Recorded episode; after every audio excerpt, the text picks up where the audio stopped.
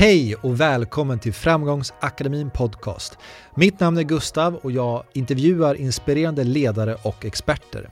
Problemet för många bolag idag är att man har svårt att få in utbildning och utveckling i ett redan pressat schema. Därför har vi på Framgångsakademin skapat digitala utbildningar som du kan inspireras av och lära utav när du vill, när du har tid. Och det här är kurser inom ledarskap, försäljning och din egna personliga utveckling. Och jag vill också tipsa dig om en rabattkod som vi har just nu. Och den ger dig 20% när du tecknar 12 månader på framgangsakademin.se. Ange koden UTVECKLAS20. Nu tycker jag att vi startar igång poddavsnittet. Välkommen! Nu ska vi få träffa serieentreprenören och investeraren Maziar Nodehi. Och han har inte ens fyllt 30 än och redan vunnit flera priser med sina framgångsrika bolag och hamnat i Forbes 30 under 30. Och nu ska vi få lyssna på hans entreprenörsresa och hur han har lärt sig av sina motgångar. Varsågod! Hur började intresset för entreprenörskap?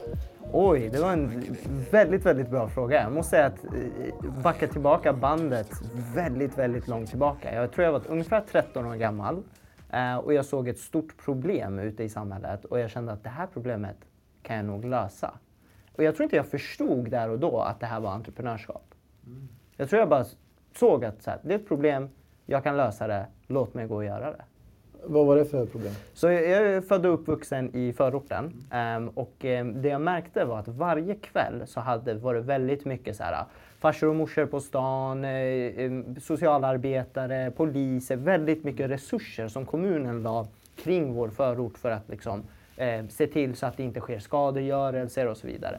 Och ganska snabbt kunde jag räkna ut att det där kan ju inte vara lönsamt. Alltså det är ju kanske 50 personer som cirkulerar och nattvandrar om man säger så. Medan det är typ bara 30 personer som är de stökiga. Så det är fler som håller koll. Så jag gick till kommunen och sen så klättrade jag mig upp till eh, kommundirektör och pitchade att du, jag tror jag har en idé här till dig. Om vi gör en fest varannan vecka eller bara en gång i månaden så kan jag påvisa dig på en kalkyl hur vi kan samla alla ungdomar under ett och samma tak och sen kan du rikta dina insatser där istället och halvera den budgeten som du spenderar på alla de här nattvandrarna. Och då tyckte han, okej, okay, i teori låter det jätteintressant. Till och med på kalkyl låter det jätteintressant. Men du är 13. Vi hade ett stort problem där. Okej, okay, det känns trovärdigt men du är väldigt ung. Um, så han bad mig gadda ihop eh, mig med några äldre. Så jag gick till ett gymnasium, hittade några äldre killar då föddes en ungdomsklubb som hette Clubplay. Mm. Eh, lever än idag. Eh, jag fick ett hederspris för det här för ungefär två år sedan. Eh, från kommunen eh, då det här har fått dem att spara väldigt, väldigt mycket resurser. Så det var nog första idén som jag förstod inte riktigt att det var entreprenörskap. Men nu när jag backar tillbaka bandet så säger jag alltid när folk säger men vart började så det var typ när jag var 13 år. Wow. Som det började det. Men härligt, så att du startade Club Play när ja. du var 13? Ja, exakt. Ja. Eh, när du var 15 så blev du hemlös. Korrekt. Alldeles Hur korrekt. använde du entreprenörskap då som ett verktyg? Jo, alltså egentligen hur jag använde det var att det kom väldigt naturligt. Återigen, jag var väldigt ung och jag förstod inte att saker jag höll på med var entreprenörskap. Så för att besvara frågan, när jag var 15 och blev hemlös, då var det mycket problem som uppstod. Både problem i vardagen, problem i skolan, problem finansiellt, problem med att hitta någonstans att sova. Och jag såg alla de bitarna med att bara lösa problem och ta mig konstant framåt. Och då kunde det vara allting från liksom hitta flera olika jobb så att jag kunde ha intäktskällor till att hitta liksom något bra boende jag kunde eh, sova på och så vidare. Så det vart mycket att när jag väl var hemlös så fick jag hantera mycket problemhantering. Mm. Och nu i efterhand så märker jag ju att det formade mig till den entreprenör jag är idag. Framförallt med att det kom stora problem ganska tätt in på varandra och så fick jag bara lösa dem. Mm. När var det du startade ditt första bolag? För då måste man vara 18 ändå. Ja, alldeles korrekt. Alldeles korrekt. Det beror på hur man ser det. Så, I bolagsform eh, så tror jag jag var någonstans ungefär runt eh, 20-21 årsåldern. Eh, men sen i andra format som till exempel grundat det här ungdomsklubben, det var ju kommunalt så det var ju inte riktigt ett liksom, aktiebolag utav det. Utan det var kommunalt ägt. Men för att besvara frågan så tror jag det kom första reggade AB kom väl ganska mycket senare. Det var någon gång runt eh, 22-23. Men då var det inte heller att det var enbart mitt eh, AB som liksom jag innoverade fram. Utan det var att det var flertal personer som hade några idéer eh, och ville bygga vidare men de visste inte hur de skulle komma ut till marknaden. Mm. Och då nådde de ut till mig till exempel och så hittade vi olika vägval till att växa de här idéerna. Så det handlar inte alltid om att som entreprenör behöver du vara den personen som kläcker själva idén. Nej. Det kan vara att någon annan har idén. Eh, men du vet hur den här idén ska liksom komma ut till marknaden och växa. Ja.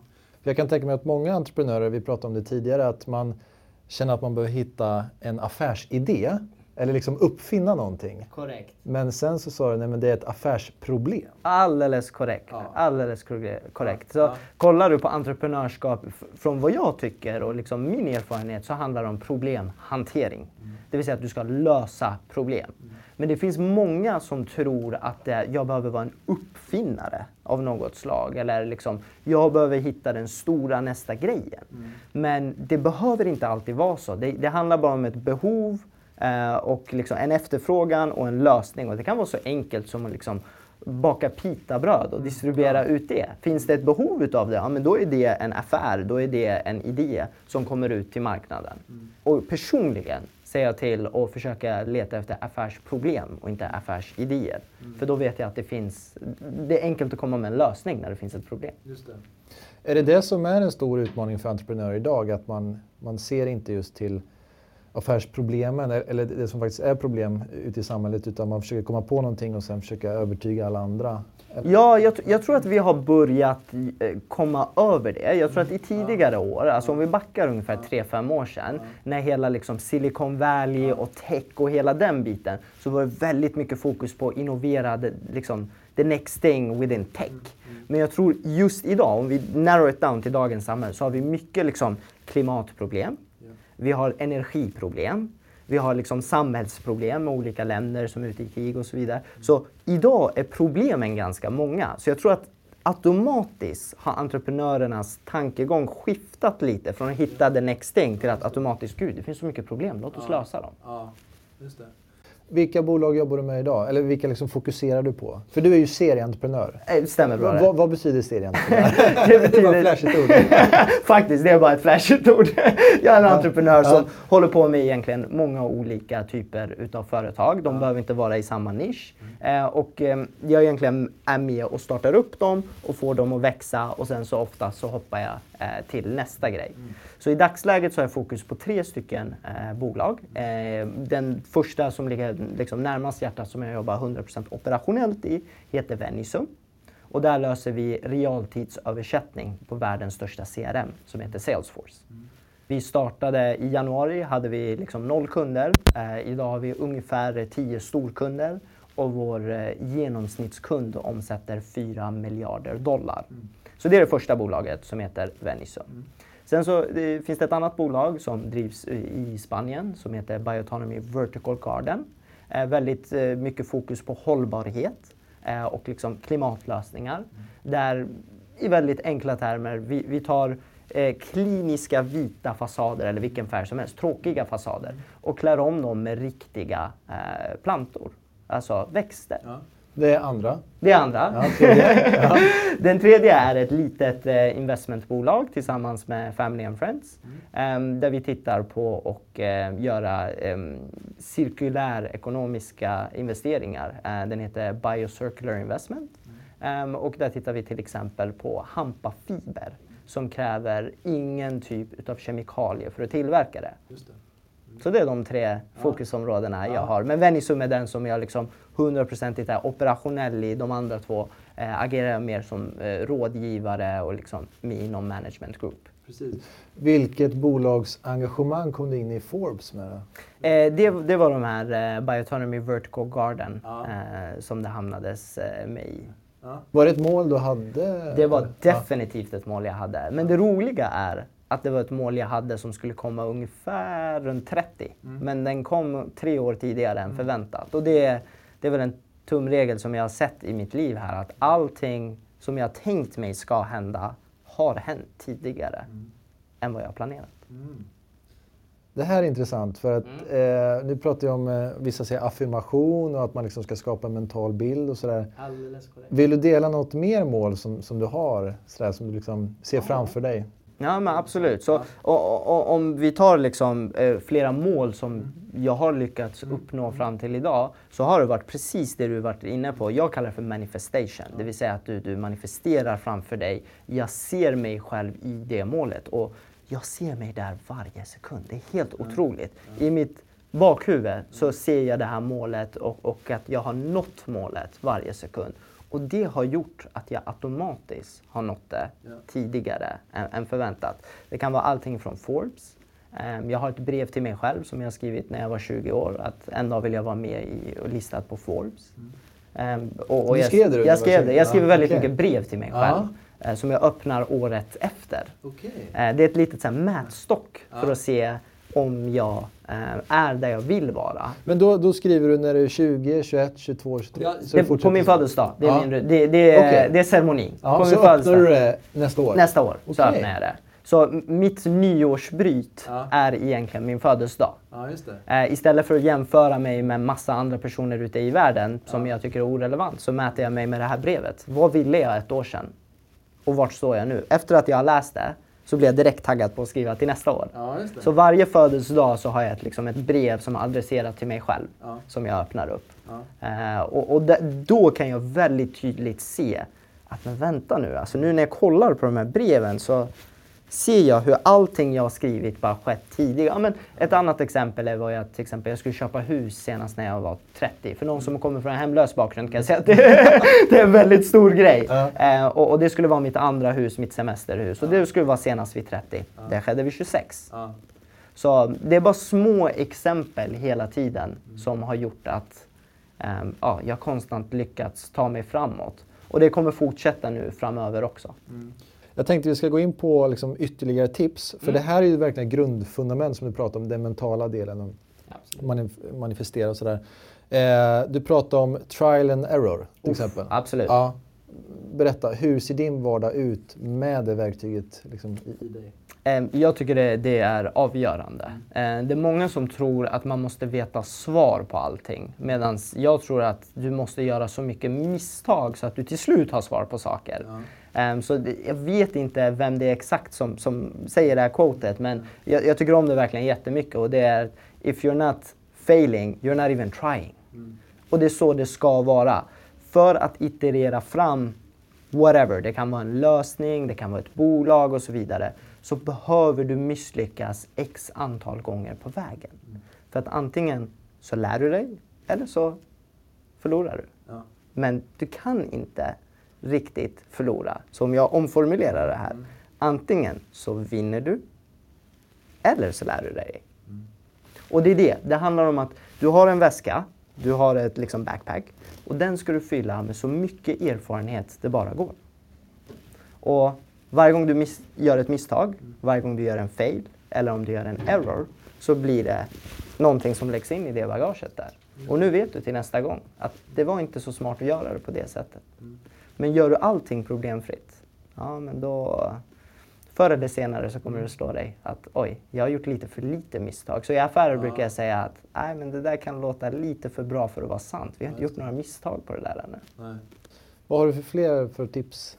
Eh, fler tips, det är egentligen att eh, gå ut efter det du tror på. Eh, rakt av. Ehm, tror du på någonting, kör det.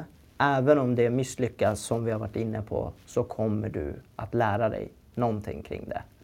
Um, och, och det är många som kommer säga till dig att liksom, gör inte det, jag tror inte på det här, eller marknaden visar X, Y, Z. Um, undersökningar visar X, Y, Z. Men sanningen är att om du inte testar det så vet du inte om det funkar eller inte. Så åtminstone testa det genom att gå ut till marknaden. Iterera fram någonting. Så det är väl andra grejen jag hade sagt. Tror du på det, kör. Eh, Du pratar om mentorskap och Ja. hur mycket det har betytt för dig. Kan det vara ett tredje tips som entreprenör att, att ha? Ja, men hur ska man tänka? Eh, ska man skriva ut på LinkedIn, jag vill ha en mentor? Eller Ja. ska man liksom titta i sin telefonbok? Någon, ska man ha någon nära eller ska man... Ja. Jättebra fråga. Ja. Jätte, jättebra mm. fråga. Så det, det, går in igen på det här lite med våga göra misstag. Um, om det, så säg att vi tar entreprenörsspåret, bara för att ta ett exempel. Mentorskap tror jag det kan vara anything, inom idrott, inom personlig utveckling och så vidare. Men dit du tänker dig att du vill komma, du har ju ett mål i bakhuvudet. Här vill jag vara. Finns någon som har gjort den här resan innan. Vi tror oftast att vi är väldigt unika, men det finns alltid någon som har gjort ja. den här resan. Ja. Det gäller att hitta de här personerna och se vilka misstag de gjorde. Mm. Och då kan du snabbare, snabbare i processen lära dig vad det är du inte ska göra och vad du ska göra. Så för att besvara på frågan så brukar jag säga, gör en lista. Tänk, tänk ta en stund här. Tänk, vart ser jag mig själv om fem år inom kategori X? Gör en lista på, här ser jag fem, sex personer som är på det här stadiet jag vill uppnå. Mm. Nå ut till de här. Mm. Kontakta dem. Förklara varför du skulle vilja ha ett mentorskap från dem. Folk blir oftast väldigt smickrade när man hör av sig. Det har i alla fall varit så för mig. Men hur har du jobbat kring det? Har du en mentor idag? Eller eh, idag har jag flera olika typer utav mentorer. Det beror på liksom i vilken kategori. Om det är personal development så har jag en. Om det är liksom inom business så har jag en. Eh, och för mig har det varit rakt av att jag har gjort den här listan, kontaktat eh, de personer eh, som jag önskar bli en mentor. Vi pratar om eh, motgångar och liksom lösa problem, hela tiden ta sig framåt. Du har en otrolig framåtkraft i liksom när du pratar nu och det är väldigt inspirerande att höra, verkligen.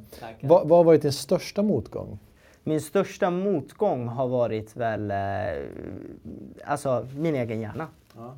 Det är väl eh, den som jag antar att alla har det som motgång. Ja. Ja. Eh, det är att konstant vinna över mig själv. Alltså vinna över min egen hjärna.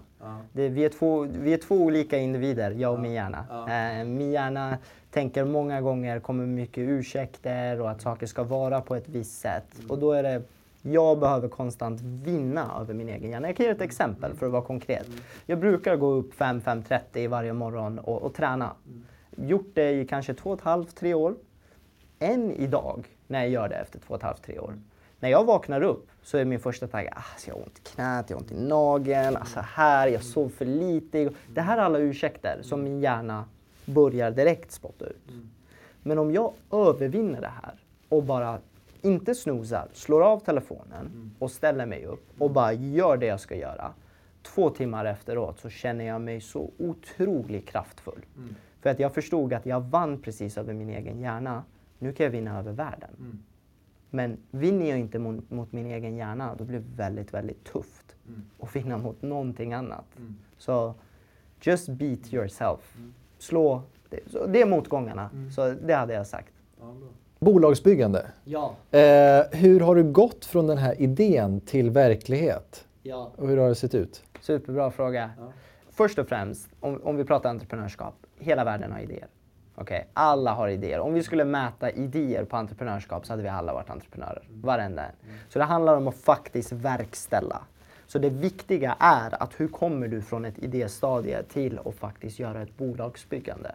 Och jag har ett litet, litet trick som har funkat för mig i alla fall. Och det är att konstant iterera fram din lösning med marknaden. Ge... Vad, vad, betyder iterera? Um, oj, den var väldigt bra. uh, det vill säga, uh, säg dansa då. Alltså kom, ja, gå fram och okay. tillbaka ja, med marknaden. Testa hela tiden. Gå fram och tillbaka, fram och tillbaka. Det, det kallar jag liksom iterera fram.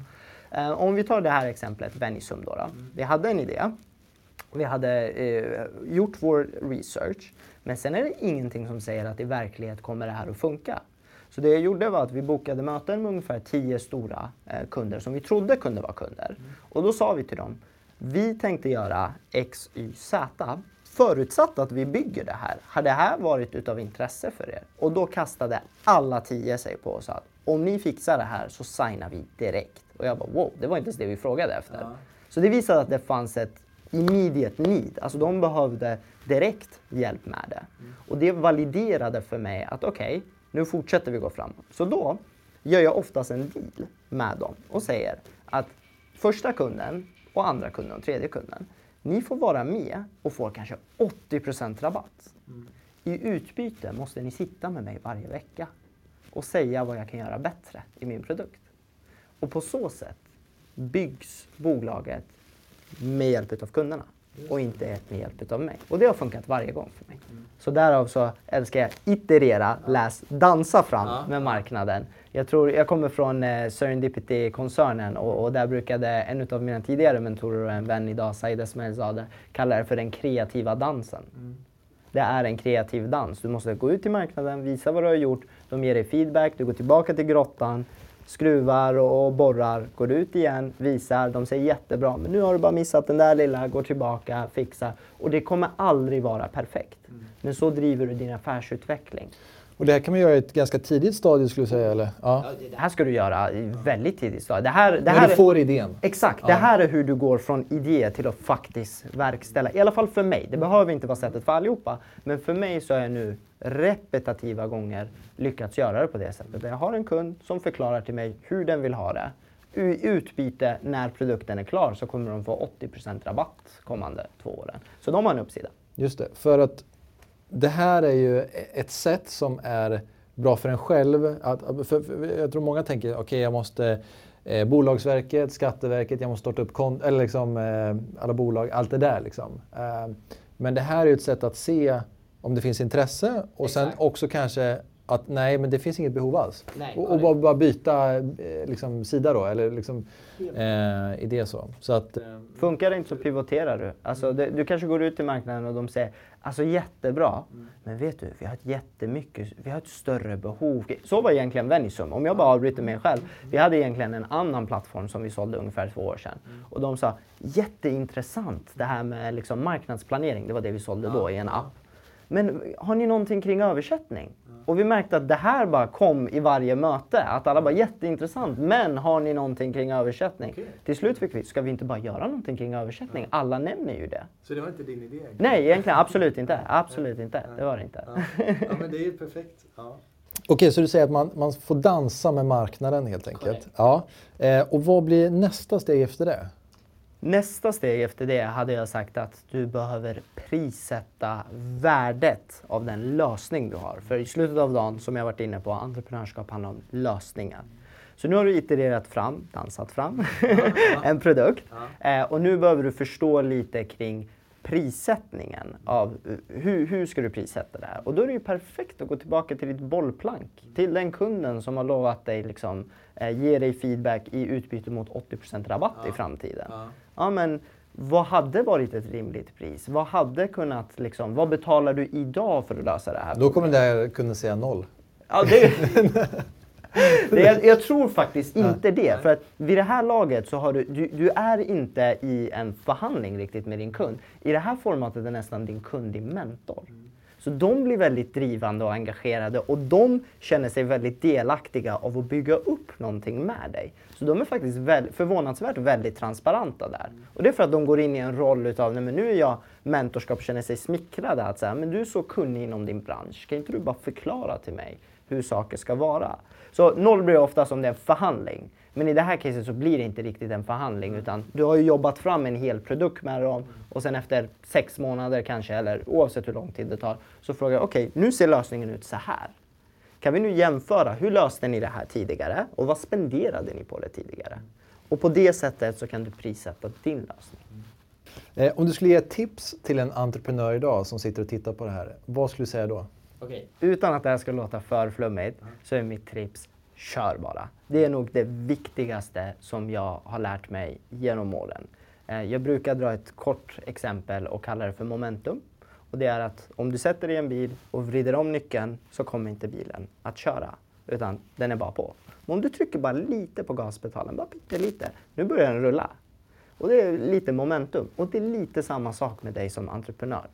Har du en idé Testa den. Våga gå ut till marknaden, prata med några kunder och kör bara. För det värsta som kan hända, det är att du faktiskt lärde dig något. Grymt.